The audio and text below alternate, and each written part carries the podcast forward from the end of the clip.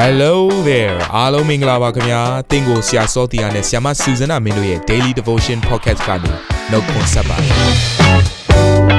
ဆရာနဲ့ဆ iam တို့ရဲ့အသက်တာမှာဘုရားရှင်ပြုတဲ့ကောင်းကြီးမင်္ဂလာများစွာရှိပါတယ်အဲ့ဒီအထက်ကပြန်လဲစီးဆင်းတဲ့နှုတ်ကပတ်တော်ကိုဒီနေ့မှနားထောင်ပြီးခွန်အားယူကြမှာဖြစ်ပါတယ်နေ့စဉ်10မိနစ်လောက်အချိန်ပေးပြီးမိမိရဲ့အသက်တာကိုကောင်းကြီးဖြစ်စေမယ်ဘုရားသခင်ရဲ့နှုတ်ကပတ်တော်နဲ့နီးလန်းတွေကိုအတူတကွခံယူကြရအောင်ခင်ဗျာ အားလုံးမင်္ဂလာပါဒီနေ့เนาะဒုတိယနေ့ရဲ့အတွက်ကျွန်တော်နှုတ်ကပတ်တော်ကိုပြင်ဆင်ထားပါတယ်ဒီတစ်ပတ်တာတော်တွဲမှာကျွန်တော်လေ့လာနေတဲ့ခေါင်းစဉ်ကတော့အသင်းတော်ဆိုတော့လူတိုင်းအတွက်အသင်းတော်ဟာအရန်ရေးကြီးတယ်။ဘာကြောင့်အရေးကြီးလဲဆိုတာကိုနှုတ်ကပတ်တော်ထဲမှာသေချာပေါ်ပြထားပါတယ်။အဲ့တော့ပထမနေ့ရက်မှာကျွန်တော်ကဒီအသင်းတော်ဟာအာအခွင့်အာဏာများရဲ့အစည်းအဝေးဖြစ်တဲ့ assembly เนาะ assembly ဆိုတဲ့အရာလေးကိုကျွန်တော်ပြောသွားပါတယ်။အဲကြောင့်အခွင့်အာဏာကိုဒီနေ့အသုံးပြုနိုင်မှုရန်အတွက် ကျွန်တော်တို့လိုမျိုးအခွင့်အာဏာရှိသောယုံကြည်သူအစုအဝေးနဲ့ပေါင်းဖော်ဖို့လိုတယ်နော်ကိုကိုယ်တိုင်ကလည်းသူတို့ဘာကိုအခွင့်အာဏာအဖြစ်မူဆောင်ခင်မှာမိမိရဲ့အသက်တာကိုနော်ဥဆောင်နိုင်ဖို့လိုတယ်ဆိုတာကိုလည်းနားလည်စေချင်ပါတယ်ဆိုတော့ဒုတိယနေ့ရဲ့အတွက်ကောင်းစဉ်ကတော့ခရစ်တော်ဤကိုယ်ခန္ဓာဖြစ်တယ်အသင်းတော်ဟာခရစ်တော်ရဲ့ကိုယ်ခန္ဓာဖြစ်တယ်ဆိုတာကိုကျွန်တော်လေ့လာဖို့ဖြစ်ပါတယ်အင်္ဂလိပ်လိုဆိုတော့ the body of Christ ပေါ့နော်ခရစ်တော်ဤကိုယ်ခန္ဓာဆိုတော့ခရစ်တော်ကတော့အသင်းတော်ရဲ့ဥကောင်းဖြစ်တယ်လို့ကျမ်းစာထဲမှာဖော်ပြထားပါတယ်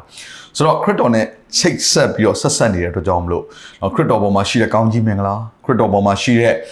အာအခွင့်အာဏာခရစ်တော်ပေါ်မှာရှိတဲ့နော်ဗိတ်သိက်ကောင်းကင်နဲ့ဆိုင်သောအရာမြေကြီးနဲ့ဆိုင်သောအားအရာပေါ့နော်မင်္ဂလာအားလုံးဟာကျွန်တော်တို့ရဲ့ဒီအသက်တာတွေကိုစီစဉ်လာတယ်ဘလို့ပုံစံနဲ့စီစဉ်လာတယ်အသင်းတော်အနေနဲ့စီစဉ်လာတာဖြစ်တယ်ဆိုတော့အဲ့ဒီကိုယ်ခန္ဓာထဲမှာကြတော့အစိတ်ပိုင်းတွေမျိုးမျိုးရှိတယ်အဲ့တော့ကျွန်တော်တို့ဒီဟာလေးကိုပို့ပြီးတော့နားလည်ဖို့ရန်အတွက်နှုတ်ကပတ်တော်တွေကိုလေ့လာသွားဖို့ဖြစ်တယ်အေဘက်ခန်းကြီး1 အငယ်20ကနေ21ကိုအရင်ဖတ်ချက်ပါတယ်ခြေပေါ်အားတော့အောက်သို့အလုံးစုံတို့ကိုခြာထားသဖြင့်အသင်းတော်အဖို့အလုံးကသူ့ကိုအလုံးစုံတို့၏အချုပ်ချာဥကောင်းဖြစ်စေတော်မူ၏ထိုအသင်းတော်ကအလုံးစုံတို့ကိုအလုံးစုံတို့နှင့်ပြည့်စုံစေတော်မူသောသူ၏ပြည့်စုံခြင်းတည်းဟူသောခရစ်တော်၏ကိုဖြစ်သည်အဲ့တော့ခရစ်တော်ရဲ့ကိုဖြစ်တယ်ဆိုတဲ့အရာကိုနှုတ်ကပတ်ကျမ်းစာကအတီလင်းပြောထားတဲ့အခါမှာနော်အရာခတ်သိမ်းရဲ့အချုပ်ချာကတော့ ဥကောင်းဖြစ်တယ်ဥကောင်းဒီဟူသောယေရှုခရစ်တော်ဆိုတော့အရာခတ်သိမ်းရဲ့အချုပ်ချာဥကောင်းကနေဆက်ဆက်ထားတဲ့ကိုယ်ခန္ဓာဟာနော်ထိုခရစ်တော်နဲ့ဆိုင်သောအရာတွေကိုကျွန်တော်ညင်းလို့မရပါဘူးအဲ့တော့ဘုရားရှင်ကောင်းကြီးမင်္ဂလာသည်အထက်ကနေအောက်ကိုစီးဆင်းတဲ့သဘောတရားအတိုင်းပဲခရစ်တော်နဲ့ဆိုင်သမျှအရာခတ်သိမ်းကိုအသင်းတော်ဟာလက်ခံရပါတယ်အခွင့်အာဏာလှုပ်ဆောင်ရမယ်ရတကိုးဗိတ်သိက်နော်ကောင်းကင်နဲ့ဆိုင်သောကြွယ်ဝခြင်းမြေကြီးနဲ့ဆိုင်သောကြွယ်ဝခြင်းအရာခတ်သိမ်းဟာကျွန်တော်တို့နဲ့လည်းသက်ဆိုင်လာတယ် အဲ့တော့ဒီနေရာမှာကျွန်တော်စဉ်းစားစရာတစ်ခုရှိပါတယ်အဲ့ဒါကတော့เนาะကိုယ်ခန္ဓာဘာအတွက်လဲနော်ကိုယ်ခန္ဓာရှိရခြင်းကဘာအတွက်လဲတော့ကဘာမြေကြီးကိုဘုရားသခင်စပြီးတော့ဖန်ဆင်းကြတဲ့ကဘုရားရှင်ဟာနဝဉ္ဇဉ်ဘုရားဖြစ်တယ်သို့တော်လည်းပဲသူဖန်ဆင်းထားသောအရာတွေကတော့ထိတွေ့ကင်တွယ်ပြီးတော့ခံစားလို့ရတယ်ဖြစ်တယ်အဲ့တော့သူနဲ့တူသောနော်ပုံသဏ္ဍာန်တူသောလူကိုဖန်ဆင်းပြီးတဲ့အခါမှာထိုလူဟာဘုရားခင်ကိုစားဘုရားခင်ဖန်ဆင်းထားသောအရာတွေကိုထိတွေ့ကင်တွယ်ပြီးတော့ကိုလူဆက်ဆံပြီးတော့အုပ်ချုပ်ရသောအရာကိုပေးထားခဲ့တာဖြစ်ပါတယ် ဆိုတော့အသင်းတော်ဟာဘုရားသခင်ရဲ့မူလအကြံစီဖြစ်တဲ့အေဒင်ဥယျာဉ်မှာစတင်ပြီးတော့လူသားကိုဖန်ဆင်းတဲ့အချိန်ကလေးကဘုရားရဲ့မူလရည်ရွယ်ချက်ကိုပြန်လည်ပြီးတော့ဖော်ဆောင်ရတာဖြစ်ပါတယ်အဲ့ဒါကတော့ဒီနေ့ဘုရားသခင်ရဲ့ဖန်ဆင်းခြင်းနဲ့ဆိုင်သောအရာဤကဘာမြေကြီးမှာထိတွေ့ကင်တွယ်ကိုလူဆက်ဆံရသောအရာခတ်သိမ်းကိုဒီကိုခန္ဓာအားဖြင့်ဘုရားသခင်ကဘယ်လိုဘုရားမျိုးလဲဆိုတာကိုဖော်ပြရတာဖြစ်ပါတယ်ဒါကြောင့်ဒီနေ့ကျွန်တော်တို့ဘုရားသခင်ကောင်းမြတ်ခြင်းဘုရားသခင်ရဲ့တဆွမ်းနိုင်ခြင်းဘုရားသခင်ဘယ်သူလဲဆိုတာကိုဖော်ပြဖို့အကောင်းဆုံးသောအရာဒီ ကိုယ်ခန္ဓာဖြစ်ပါတယ်အဲ့တော့ကျွန်တော်တို့ယုံကြည်သူကတယောက်တည်းမဟုတ်ဘူးအများဖြစ်တယ်အစုဝေးဖြစ်လာတယ်ကိုယ်ခန္ဓာဆိုတဲ့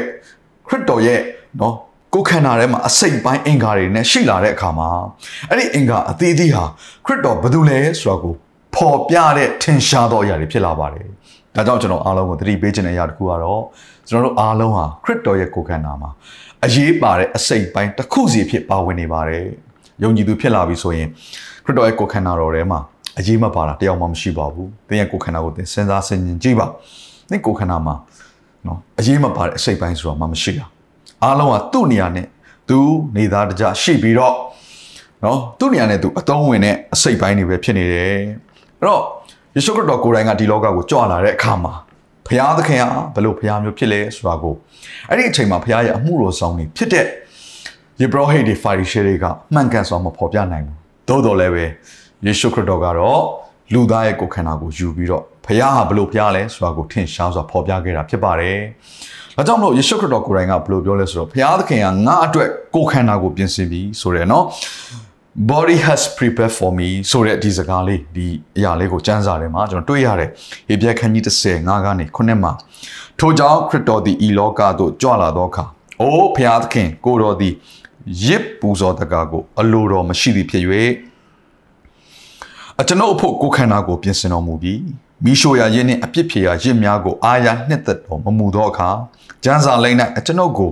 အမှတ်ပြု၍ရေးထားသည်နှင့်အညီအကျွန်ုပ်သည်ကိုတော်၏အလိုကိုဆောင်အပ်သောငါသွားပါမည်ဟုအကျွန်ုပ်ဝန်ခံပါသည်ဟုရှောက်ဆို၏အဲ့တော့မူလအစကတည်းကဖန်ဆင်းထားတဲ့လူသားရဲ့ကိုယ်ခန္ဓာအဖြစ် ဘုရားသခင်ရဲ့ဖြစ်ခြင်းအလုံးစုံဘုရားရဲ့အမှုတော်မြတ်ကိုဆောင်ရွက်ရတဲ့အခါမှာဒီလူသားတွေကအပြစ်ဒုစရိုက်ကိုပြုတဲ့အခါမှာအပြစ်ဖြေဖို့ရန်အတွက်ယေရှုခရစ်တော်ကိုယ်တိုင်ကဒီလောကကိုကိုယ်ခန္ဓာကိုယူပြီးတော့ဆင်းလာတာဖြစ်တယ်။ဒါကြောင့်ကျွန်တော်ပြောပြချင်ပါတယ်ဘုရားသခင်အတွက်ကိုယ်ခန္ဓာဟာအရန်ရေးကြီးပါတယ်။အထူးသဖြင့်မြေကြီးပေါ်မှာလှုပ်ဆောင်မဲ့အရာခတ်သိမ်းအတွက်ကိုယ်ခန္ဓာအရေးကြီးတယ်။အခုယေရှုခရစ်တော်ကနော်ကောင်းကင်အရက်မှာ ခမည်းတော်ရဲ့အလက်ရဘက်မှာထိုင်ပြီးတော့စိုးစံလဲရှိတယ်လို့ကျွန်တော်နှုတ်ကပတ်ကျမ်းစာကိုဖတ်ရတယ်။သို့တော်လည်းပဲသူ့ရဲ့ကိုယ်ခန္ဓာဒီဟူသောအသင်းတော်ကဘက်မှာရှိလဲမြေကြီးပေါ်မှာရှိပါတယ်။အတိတ်ဘက်ကပါလဲကိုယ်ခန္ဓာအားဖြင့်မြေကြီးမှာဘုရားသခင်လှုပ်စေခြင်းနဲ့ရာဘုရားရဲ့ဘုန်းကိုထင်ရှားပြသဖို့ဖြစ်တယ်။ဘုရားသခင်ဘယ်သူလဲဆိုတာကိုကိုယ်ခန္ဓာတော်ဒီဟူသောအသင်းတော်ကနေဖော်ပြဖို့ဖြစ်တယ်ဆိုတာကိုနားလည်စေခြင်းနဲ့ဒါကြောင့် body of Christ လို့ပြောတဲ့ယေရှုခရစ်တော်ရဲ့ကိုယ်ခန္ဓာတော်အသင်းတော်အဖြစ်နော် ဖခင်သခင်ကဒီနေ့ရှင်းလင်းစွာဖော်ပြထားတဲ့အရာလေးကျမ်းပိုက်နှစ်ပိုက်ကိုကျွန်တော်ဖတ်ချင်တယ်ပထမကျမ်းပိုက်ကတော့ယောမအခန်းကြီးစနေအငယ်လေးကနေငါဖြစ်တယ်နော်ဥပမာကကိုတစ်ခု၌အင်္ဂါအများရှိသည်ဖြစ်၍ထိုအင်္ဂါများသည်ဆောင်ရွက်เสียအမှုတစ်ခုတည်းမရှိတဲ့ကဲ့သို့ထို့အတူအများဖြစ်သောငါတို့သည်ခရစ်တော်၌တကိုယ်တည်းဖြစ်၍အသီးသီးအင်္ဂါချင်းဖြစ်ကြ၏အဲ့တော့ဒီຢာလေးအဖြစ် ကျွန်တော်တို့တယောက်ချင်းစီတိုင်းဟာခရစ်တော်ရဲ့ကိုယ်ခန္ဓာတော်ထဲမှာအစိတ်ပိုင်းတွေဖြစ်တယ်ဆိုတာကိုထင်ရှားတဲ့ကြံပိုင်လေးဖြစ်ပါတယ်ဒီနေ့အဖြစ်ပြောမယ်ဆိုတယောက်ကိုတယောက်လိုနေတယ်လိုအပ်တယ်နော်အစိတ်ပိုင်းတစ်ခုနဲ့တစ်ခုကလိုအပ်နေတယ်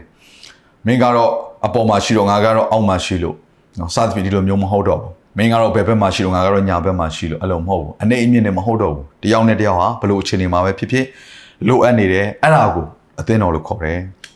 အခါဒုတိယကျမ်းပိုက်ကတော့เนาะတေကောခန်းကြီး7နှစ်အငယ်7နှစ်ကနေကျွန်တော်တို့เนาะ20ကျော်ထိကျွန်တော်ဖတ်မယ်ဆိုရင်တွေ့ရပါလိမ့်မယ်ကျွန်တော်ကျမ်းပိုက်အနေငယ်ဖတ်ချင်တယ်เนาะရှေးဥစွာတေကောခန်းကြီး7နှစ်အငယ်7နှစ်ကနေစဖတ်ချင်တယ်ဥပမာကကိုတစ်ခုတည်း၌အင်္ဂါအများရှိသည်ဖြစ်၍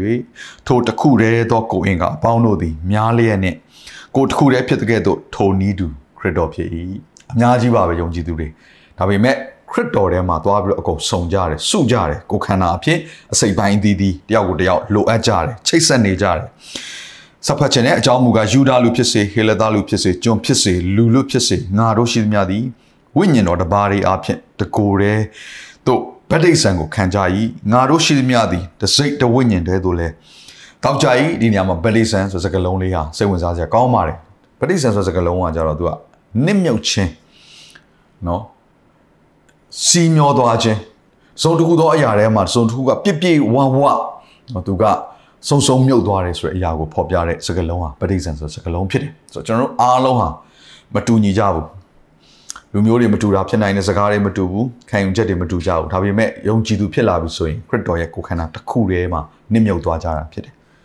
ပျော်ဝင်သွားကြတယ်နော် တလုံးတော်ရတယ်ဖြစ်သွားတယ်တစိတ်တဝမ်းနဲ့ဖြစ်သွားတယ်ဒါကိုပြောချင်တာဖြစ်ပါတယ်အဲ့တော့ဆက်ဖတ်ချင်ပါတယ်ငယ်ဆက်လေးမှာကိုသည်အင်္ဂါတစ်ခုတည်းရှိသည်မဟုတ်အများရှိသည်ဖြစ်၍ခြေကငါသည်လက်မဟုတ်သောကြောင့်ကိုနှင့်မဆက်ဆိုင်ဟုဆိုလျင်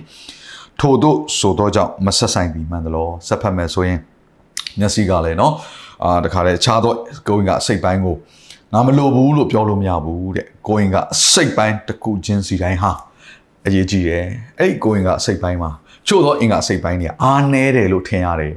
ဒါပေမဲ့အဲ့ကိုအင်္ဂါထဲမှာပဲအားနည်းတယ်လို့ထင်ရတဲ့เนาะအစိတ်ပိုင်းတွေဟာဘုံကိုသာ၍ထင်ရှားစေတယ်အားကြီးခြင်းဆိုတဲ့အရာတွေကိုပို့ဖော်ပြတဲ့အရာတွေဖြစ်တယ်ဆိုတာကိုနားလည်ရတယ် ဆိုတော့ဥပမာဒါကိုခန္ဓာအားဖြင့်ကျွန်တော်ရဲ့ကိုခန္ဓာမှာเนาะကြည့်လိုက်မယ်ဆိုရင်အားနည်းတဲ့เนาะအစိတ်ပိုင်းတွေရှိနိုင်တယ်ဥပမာပြောပြရမယ်ဆိုရင်ကဲကိုကျွန်တော်ရဲ့လက်လေးမှာဆိုရင်လက်သေးခွန်ဟာเนาะကဲကိုအသုံးမဝင်တော့တဲ့ပုံစံမျိုးလိုလိုเนาะကျွန်တော်တို့ကတစ်ခါရှေးလိုက်ညှက်ထုတ်ပြရတာမျိုးလိုလိုစသဖြင့်ရှိတတ်တဲ့ဒါပေမဲ့ဒီလက်သက်ခွန်လေးကိုဖယ်လိုက်တယ်ဆိုတာ ਨੇ ဒီလက်ဟာအားမရှိတော့ဘူး။ပစ္စည်းတွေကိုတော့တခါ မြင်းမြဲစုပ်ကင်ဖို့ရန်အတွက်ထိန်းချောင်းပေးတဲ့အမှာပေါ့နော်ဒီဇသက်ခွန်လေးမရှိတော့တဲ့အခါမှာဒီလက်ခါအားပြောစရာအကြောင်းဖြစ်လာတယ်ဆိုတော့ကြည့်လိုက်မယ်ဆိုရင်တော့ဘာမှအသုံးမဝင်သလိုပဲနော်အားနည်းသလိုပဲသို့တော်လည်းပဲဒီလက်ကပစ္စည်းတွေကိုကောင်းမွန်စွာစုပ်ကင်နိုင်မှုရန်အတွက်အင်အားပေါ့နော်မြဲမြံခြင်းကိုဖြစ်စေတော့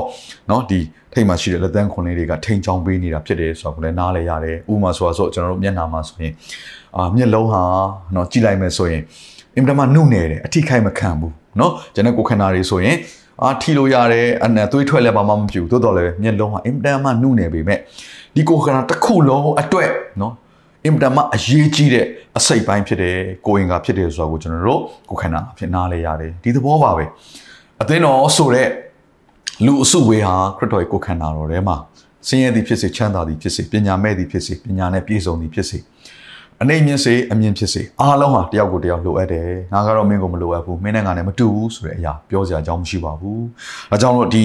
နှုတ်ကပတ်တော်ကိုကျွန်တော်ဒီနေ့လေ့လာတဲ့အခါမှာအော်ငါဟာယုံကြည်သူတစ်စုံတယောက်ကိုငါအတွက်ငါအသက်တာအတွက်လိုအပ်ပါလားသူဟာလည်းငါ့ကိုလိုအပ်နေပါလားဆိုတော့သဘောပေါက်ပြီးတော့တယောက်နဲ့တယောက်ချိတ်ဆက်ပြီးတော့မိသားရဖွဲ့ခြင်းစုဝေးခြင်းစုစည်းခြင်းဆိုတဲ့အရာတွေကို လှုပ်ဆောင်မှုအင်မတန်မှအရေးကြီးတယ်ဆိုတာကိုနားလည်ရပါတယ်။ဒါကြောင့်ကျွန်တော်တို့ကိုဥဆောင်နေတဲ့ဥကောင်းဒီဟူသောခရစ်တော်ရဲ့အောက်မှာကိုရင်ကအစိတ်ပိုင်းတွေဟာတယောက်နဲ့တယောက်ချိတ်ဆက်ပြီးတော့တယောက်ကိုတယောက်ဖေးမှပြီးတော့เนาะတယောက်ကနားတယ်ဆိုရင်တယောက်ကမဆာခြင်းเนาะဒီလက်တစ်ဖက်ကနားခြင်းဆိုလက်တစ်ဖက်ကเนาะပြုစုတာနှစ်သိမ့်တာเนาะနှုတ်ရှာမစက်ကအစပေါ့เนาะတခါဆက်ပြီးတော့ဒီလက်ကိုစေကူဖို့ရန်အတွက်ပြင်ဆင်တဲ့အရာအားလုံးကိုအခြားသောကိုရင်ကအစိတ်ပိုင်းတွေကလှုပ်ဆောင်သလိုပဲစုံတောင်သောသူကအသင်းတော်မှာအားနေနေပြီဆိုရင် ကြံတော်သူများကမာစာဖို့ဖြစ်တယ်၊ကူညီဖို့ဖြစ်တယ်။ဒါဟာအင်မတန်မှလှပသောအသင်းတော်ကိုဖော်ပြတော့ဒီနေ့ဖွင့်ပြချက်တစ်ခုဖြစ်ပါတယ်ခရစ်တော်ရဲ့ကိုယ်ခန္ဓာဖြစ်ပါတယ်အာမင်ခဏလောက်ဆုတောင်းရအောင်ဘုရားခင်ခရစ်ကိုယေရှုတင်တယ်ကျွန်တော်တို့ကိုကိုရောဒီရွေးကောက်၍ကိုရောကိုခန္ဓာတော့အစိတ်ပိုင်းဖြစ်တလုံးတဝရတယ်ဖြစ်စေလို့ယေရှုတင်တယ်ကိုရောကိုရင်ကားထဲမှာနစ်မြုပ်စေလို့လည်းယေရှုတင်တယ်ဖာဖျားခင်အရေးပါတော့အစိတ်ပိုင်းဖြစ်ပါဝင်ရလို့ယေရှုတော်ကိုချီးမွမ်းတယ် ယုံကြည်သူများဟာတယောက်နဲ့တယောက်မလိုဘူးဆိုတာလုံးဝမရှိပါဘူးတစုံတယောက်သောသူဟာအခြားသောတယောက်ကိုလိုအပ်လျက်ရှိပါတယ်ကိုရင်ကအစိတ်ပိုင်းဟာအခြားသောကိုရင်ကအစိတ်ပိုင်းကိုလိုအပ်တယ်လို့ပဲဟိုတယောက်နဲ့တယောက်အရေးကြီးတယ်ဆိုတော့သဘောပေါက်ပြီးတော့မိသားရဖွဲ့ခြင်းယဉ်နှီးကျွမ်းဝင်ခြင်းဟိုတယောက်ကိုတယောက်ဆူတောင်းပေးခြင်းဖေးမခြင်းကူညီခြင်းတွေကိုလှုပ်ဆောင်တတ်တော်သူများဖြစ်ဖို့ယနေ့နှုတ်ကပတ်တော်ကိုနားထောင်နေတော်သူတယောက်စီတိုင်းကိုကိုရပြကောင်းကြီးပေးပါဂျေဇုပြုပါအသက်ရှင်တော်ယေရှုခရစ်တော်၏နာမကိုအမိပြုလျက်ဆုတောင်းပါ၏အာမင်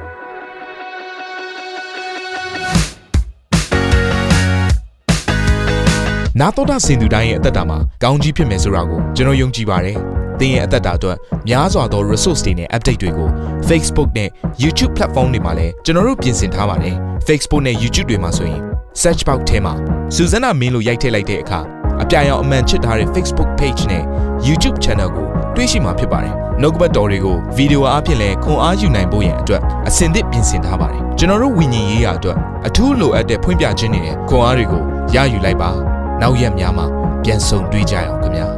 အားလုံးကိုနှုတ်ဆက်ပါတယ်